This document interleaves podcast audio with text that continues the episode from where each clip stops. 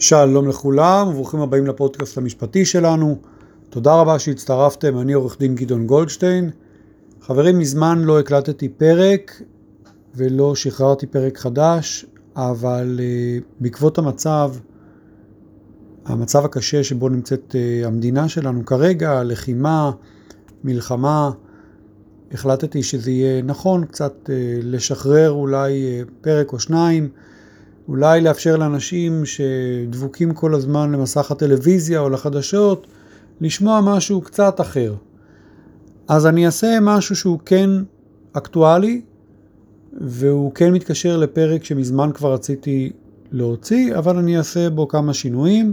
אנחנו נדבר היום קצת, עוד קצת, על בית המשפט העליון, וזה בנסיבות המיוחדות שהיום פורשת נשיאת בית המשפט העליון, אסתר חיות. פורשת מתפקידה כשופטת, היא, אני מקווה שהיא תשלים את העבודה שלה, את ההכרעה שלה בבג"צים שהוגשו לאחרונה בעניין אה, החוקים שעברו במדינת ישראל לפני, אה, לפני פרוץ המלחמה, בעניין ביטול עילת הסבירות. מילה אחת, כרגיל, לפני שאנחנו מתחילים, אין באמור בפודקאסט או בשאינו אמור בו כדי להוות חוות דעת ייעוץ משפטי או תחליף לייעוץ משפטי אצל עורך דין. אז נתחיל חברים, קודם כל אני באמת מודה לכם שאתם אה, שומעים באופן עקבי ושולחים שאלות ומתעניינים ואני חושב, אתם יודעים, אחד הקורסים הבסיסיים, כשאני למדתי משפטים בפקולטה באוניברסיטת תל אביב, אחד הקורסים הבסיסיים השנתיים היו משפט חוקתי. זה קורס חשוב מאין כמוהו. זה קורס שמסביר לך בעצם מה, מה אנחנו עושים כאן, איך המדינה שלנו, על בסיס מה היא הוקמה, מהו הבסיס לבוא ולעתור לבית המשפט, מהן הזכויות של האזרח אל מול הרשות. ומהר מאוד מגיעים לבג"צים וקוראים פסקי דין, ואפשר להישאב, באמת מי שלא קרא פסקי דין של בית המשפט העליון כיושבו כבג"ץ, דיברנו על זה בפרק קודם, בית משפט גבוה לצדק, אז מי שלא קרא אולי יופתע מהיקף של כל פסק דין כזה שניתן בבג"ץ, בוודאי פסקי הדין המכוננים יותר שיצאו אה, מבג"ץ, מדובר על עשרות ועל מאות עמודים. בעניינים מגוונים לאורך ההיסטוריה של מדינת ישראל. אני מדבר למשל על אחד הבג"צים שלמדנו, עסק בבקשה לייבא בשר, אה, לייבא, לגדל בשר לא חוקי, לא, סליחה, בשר לא כשר לישראל. אנחנו מדברים על בג"ץ הקשת המזרחית, אנחנו מדברים על בג"ץ שעסק ב... בזכויות ובקשר של אה, קיבוצים אה, לקרקע, האם, מה המעמד שלהם, מה קורה מבחינת למי שייכת הקרקע במדינת ישראל במובנים האלה. אני באמת כבר לא זוכר את הכל, עברו, עברו הרבה שנים מאז שקראתי את הבג"צים האלה, אבל כל פסק דין כזה נכתב באמת שלא כלאחר יד. נכתב לאחר עבודה מאוד יסודית, שבה השופטים והעוזרים הרבים של השופטים קראו את כתבי הטענות ועיינו בחוק הקיים, ומכיוון שאנחנו מדברים על בג"ץ, אז הרבה פעמים גם קראו פסיקה זרה ומלומדים. זאת אומרת, חוקרים, פרופסורים, דוקטורים בתחום המשפט, אנשים שכתבו מאמרים וספרים בארץ ובחו"ל, ועושים משפט משווה ומראים מה קורה במדינת ישראל לעומת מדינות אחרות בעולם, ומנסה, ומזה מנסים בעצם ללמוד ולהקיש מה צריך להיות. עכשיו, זה לא, זה לא סתם שהם עושים את זה. הרבה פעמים מדובר בלקונה, באיזשהו חסר שאין לו התייחסות בחוק, ובית המשפט נאלץ להיכנס ולמלא את החסר הזה, או לפרש סעיפים והוראות בחוק. ולכן פסקי הדין האלה מאוד ארוכים, הם מאלפים, גם באלף גם בעין, איך שתרצו לקרוא אותם צריך להתיישב, אבל אני מבטיח לכם, תמצאו שם גם הרבה מאוד פנינים. ולאורך השנים בג"ץ הלך והתפתח, ואנחנו מדברים, מצאתי איזושהי סקירה של בג"ץ במהלך השנים, זאת אומרת, לאן, לאן בג"ץ הלך, איך, איך הוא התחיל, לאן הוא הגיע. אז אנחנו מדברים על זה שכשבית המשפט העליון הוקם, מספר השופטים בו היה רק שבעה, כאשר בעצם רק חמישה שופטים תפקדו בפועל. לאט לאט ב-1950 מספר השופטים עלה שוב פעם לשבעה, מונו אגרנט וזילברג. אחר כך בשנת 53 מספר השופטים הועלה לתשע. בשנת 58 העלו את מספר השופטים ל-11 בגלל עומס עבודה. זה קרה באופן הדרגתי. בשנת 92 הגיעו מספר השופטים ל-12, בשנת 94 ל-14 וב-2009 ל-15 שופטים. לא תמיד כל השופטים, כל המשרות אוישו, אבל בסופו של יום אנחנו מדברים היום על 15 שופטים בבית המשפט העליון. והיום אנחנו באמת עומדים. היום בבוקר שמעתי את הידיעה שהייתה כמובן צפויה, שנשיאת בית המשפט העליון, אסתר חיות, פורשת היום מתפקידה כשופטת בית המשפט העליון וכנשיאת בית המשפט העליון, במקומה ייכנס עוזי פוגלמן. אנחנו מדברים על הרכב של 15 שופטים מכל מיני מגזרים אה, נשים, גברים, אה, עדות שונות. אני באמת ממליץ לכם להסתכל באתר בית המשפט העליון ולקרוא קצת על השופטים, מאיפה הם הגיעו, מה הם עשו. אפשר לציין את אה, חאלד כבוב שמונה מבית המשפט המחוזי, אפשר לציין את יצחק עמית ונועם סולברג, אתה יודע, כדמויות מעניינות. האמת שכל אחד מה, מהשופטים, כשאני עובר עליהם ומסתכל, כמעט כל אחד ואחד יש לו, בא, בא באמת מרקע מאוד, מאוד מעניין ומכובד, ואנחנו צריכים להיות מאוד, מאוד שמחים שאלה השופטים שלנו, אנשים מיומנים. ומה זה אומר, מה זה אומר כשאנחנו נכחנו בחודש הקודם, שבית המשפט התכנס לראשונה בכל ימיו בהרכב הכי מורחב, בהרכב של 15 שופטים, כדי לדון בבג"צים נגד אה, החקיקה של תיקון אה, עילת הסבירות, בעצם חקיקה שמגבילה את ידיו של בית המשפט להתערב בחוקים של מדינת ישראל. ואיך בכלל בית משפט יכול לדון, וגם שאלה שעלתה, איך בית משפט יכול לדון בחוק שנועד בעצם להגביל את אותו בית משפט. שאלה מעניינת, יש פה ניגוד עניינים, אין פה ניגוד עניינים. מי יכול לדון בזה אם לא בית המשפט? מי הערכאה? טוב, אז אם אנחנו קצת קוראים uh, על בית המשפט העליון, אנחנו לומדים כך.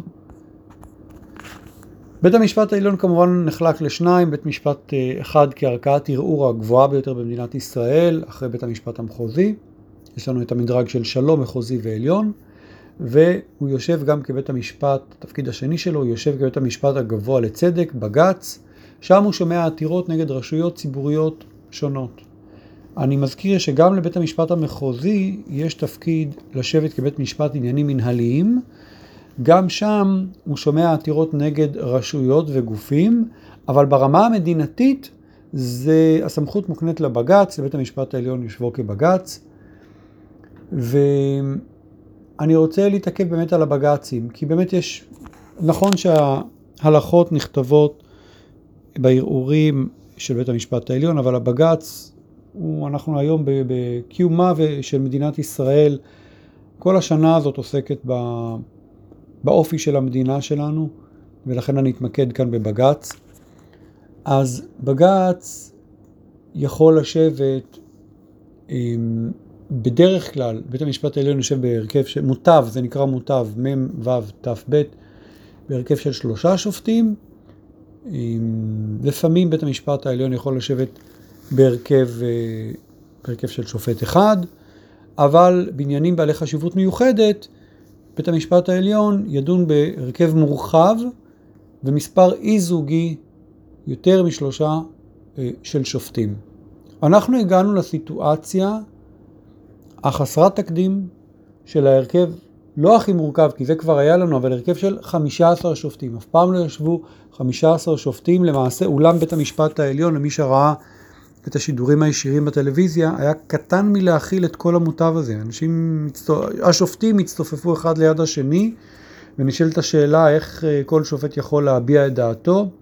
זה מזכיר לי, אני אפתח סוגריים, מכל הפסקי דין שקראתי בפקולטה, ולפ... ואנחנו עדיין אגב קוראים פסקי דין כמובן של בית המשפט העליון, להתעדכן כל אחד בהתמחות שלו, אז בבית המשפט העליון הרבה פעמים אנחנו נראה שלמרות שיש הרכב של מספר אי זוגי של שופטים, שלושה, חמישה, שבעה, תשעה, ואו-טו-טו אנחנו צופים גם לחמישה עשר, אנחנו רואים איזשהו קו מוביל, שופט מוביל אחד, שהוא זה שנותן את הטון בפסק הדין, הוא פותח ומתאר את הדברים, את העובדות, מציין את הדין שחל במקרה הספציפי הזה, ובסופו של יום הוא נותן פסק דין, כשזה בהרכב כמובן של אי זוגי, אז זה לא מספיק שיש שופט אחד שנותן את פסק הדין, צריכים גם השופטים האחרים לומר את דעתם. לפעמים אנחנו רואים שופטים שמצדיקים, אומרים אני מצטרף לדברי חברי, ככה הם קוראים לשופט שנתן את עיקר הדברים, ובקש להוסיף ולהתייחס לנקודות ספציפיות, והם שוטחים את המשנה שלהם, אומרים מה שיש להם לומר, אולי חולקים על אותו שופט ראשון, אולי, אה, אולי, אולי מסכימים ומחזקים. ו... וכן הלאה, עד שמגיעים לסוכמים בעצם, מי בעד ומי נגד בסופו של יום, זו שורה תחתונה גם מעניינת, כמה, כמה מקבלים את העתירה וכמה דוחים אותה, כמה מקבלים את הנושא הזה וכמה, וכמה הם דוחים אותו. ולפעמים אנחנו נראה גם אמירות מאוד מאוד קצרות וקצת אה, מוזרות. אתה רואה אמירה של שופט שמסכם את, ה, את כל ה, את מה שיש לו לומר בשתי מילים, אני מסכים. ככה, תקראו בג"צים, ממש ככה, שאתם, אתם רואים שופט אחד שעל פני 30 עמודים כותב וכותב וכותב וכותב וכותב, כותב ובשורה האחרונה אמליץ לחבריי לקבל את העתירה או לדחות את העתירה, ואז אתה רואה את השופט הבא בתור אני מסכים, שופט הבא בתור אני מסכים, ונגמר. זהו. איך זה יכול להיות שאין לשופטים מה לומר? אז זה לא שאין להם מה לומר, כמובן שיש להם, אבל השופטים עושים איזשהו, נקרא לזה משחק, שבו הם יושבים ומתדיינים ונותנים לשופט אחד שהנושא קרוב לליבו או רוצה לקבל את ההחלטה באותו תיק להוביל והשאר, והשאר מביעים את דעתם בתמצית, מי, מי שמסכים ומי שלא, אבל לפעמים זה לא המצב, לפעמים אנחנו מגיעים לבג"צים עם, עם הרכבים מורחבים שהשופטים דנים ודנים ועוברים שופט אחד שכותב על פני עשרות עמודים ואז עוברים לשופט השני שכותב על פני עשרות עמודים וכן הלאה ומגיעים לפסקי דין של מאות עמודים. זה מייגע, אבל זה מראה את תשומת הלב הקפדנית ואת החשיבות שהם נותנים לנושא הזה. ועם ישראל ראה את זה קורה ממש בעתירות האחרונות לבג"ץ בעניין אה, צמצום עילת הסבירות. 15 שופטים במשך ימים ארוכים ומתישים שקראו את החומר, שהיו מוכנים לדיונים, שהתקילו בשאלות קשות ושמעו ולא דחו כל טענה סתם כך, אלא ממש הקשיבו ודנו, ואני בטוח שאנחנו גם נראה את זה בפסק דין מכונן, שיגדיר יגדיר בעצם מה, מה אופייה של מדינת ישראל לאור העמדות ש, שנטענו. אני כן רוצה לציין עוד אולי כמה דברים. אמ, בית המשפט העליון ביושבו כבג"ץ זה באמת 15 אה, שופטים זה הפעם הראשונה שאנחנו רואים. זה הרכב מורחב שבמורחבים. ההרכבים הקודמים, השיא עד היום היה הרכב של 13 שופטים. אה, והיו כל מיני מקרים של 11 שופטים וכולי. יש באמת פרשת נחמני למשל, שפעם דובר על, זה לא בג"ץ, אבל דובר על, על, על, על מקרה מאוד מעניין שבו בית המשפט ישב בהרכב מורחב, ו, ואחר כך בדיון נוסף. דיון נוסף, זאת אומרת דיון, כיוון שהמקרה הזה הוא, ערעור שיש לו חשיבות נוספת והגישו עוד איזשהי ערעור נוסף, אז זה נקרא דיון נוסף. אנחנו בזמנים מאוד מאוד מאתגרים. השעה היא שעה לא פשוטה בלשון המעטה, ואני חושב שקרתה בפנינו סיטואציה מאוד מעניינת, מאוד קיצונית, ואין מה לעשות, ככה בוחנים לפעמים דברים. אחרי שהיו הדיונים בהרכב המורחב הזה של 15 שופטים בעניין צמצום עילת הסבירות, פרצה מלחמת, אה, המלחמה האחרונה בעזה, חרבות ברזל, עם אירועים מאוד מאוד קשים. ועל רקע האירועים האלה, בית המשפט העליון יצטרך גם בסוף, כנראה בסיום המלחמה, לתת גם פסק דין. היום כשאנחנו רואים למה מדינת ישראל נדרשת כשהיא נלחמת ב... בטרור, כשהיא נלחמת, ב... כשהיא נלחמת על הגבולות שלה, על החירות שלה, אנחנו מבינים כמה חשוב מול דעת הקהל העולמית, שאנחנו מדינה דמוקרטית, שיש לנו בית משפט עליון שדן ושוקל ומקבל החלטות שהרבה פעמים מכשירות או שוללות פעולות מסוימות של כוחות הביטחון. כי בלי זה אין לנו, אנחנו כבר, אנחנו לא נחשבים כלפי חוץ, כלפי, כלפי העולם כמדינה דמוקרטית שמקבלת את ההחלטות שלה אה, שהן מוצדקות מבחינת אה, החוק, החוק הבינלאומי. זה החשיבות של בג"ץ, ועל זה בג"ץ הולך לפסוק, על היכולת שלו להמשיך ו- ולהיות רשות uh, עצמאית שמבקרת וניתן לפנות אליה בכל עניין שהוא. התקופה של אסתר חיות, תקופה ארוכה, נחשבת לאחת השופטות הגדולות שהיו לנו, ו... ויהיה מאוד מעניין לעקוב ולראות איך ממשיך בית המשפט העליון גם אחרי פסק הדין שיינתן, ומי יודע מה יהיה שם בעניין צמצום עילת הסבירות, ומה יקרה אחרי שאסתר חיות תפרוש. אנחנו בפתח של עידן חדש ומאתגר לכל המדינה, גם בעניין הזה, גם בעניין של בג"ץ. אז אני מודה לכם מאוד שהצטרפתם אליי היום, מקווה שקצת הסטתי קצת את תשומת הלב, חלק מהעניינים הקשים שעל סדר היום, ונמשיך ונשתמע להתראות. אני עורך דין גדעון גולדשטיין. בשורות טובות.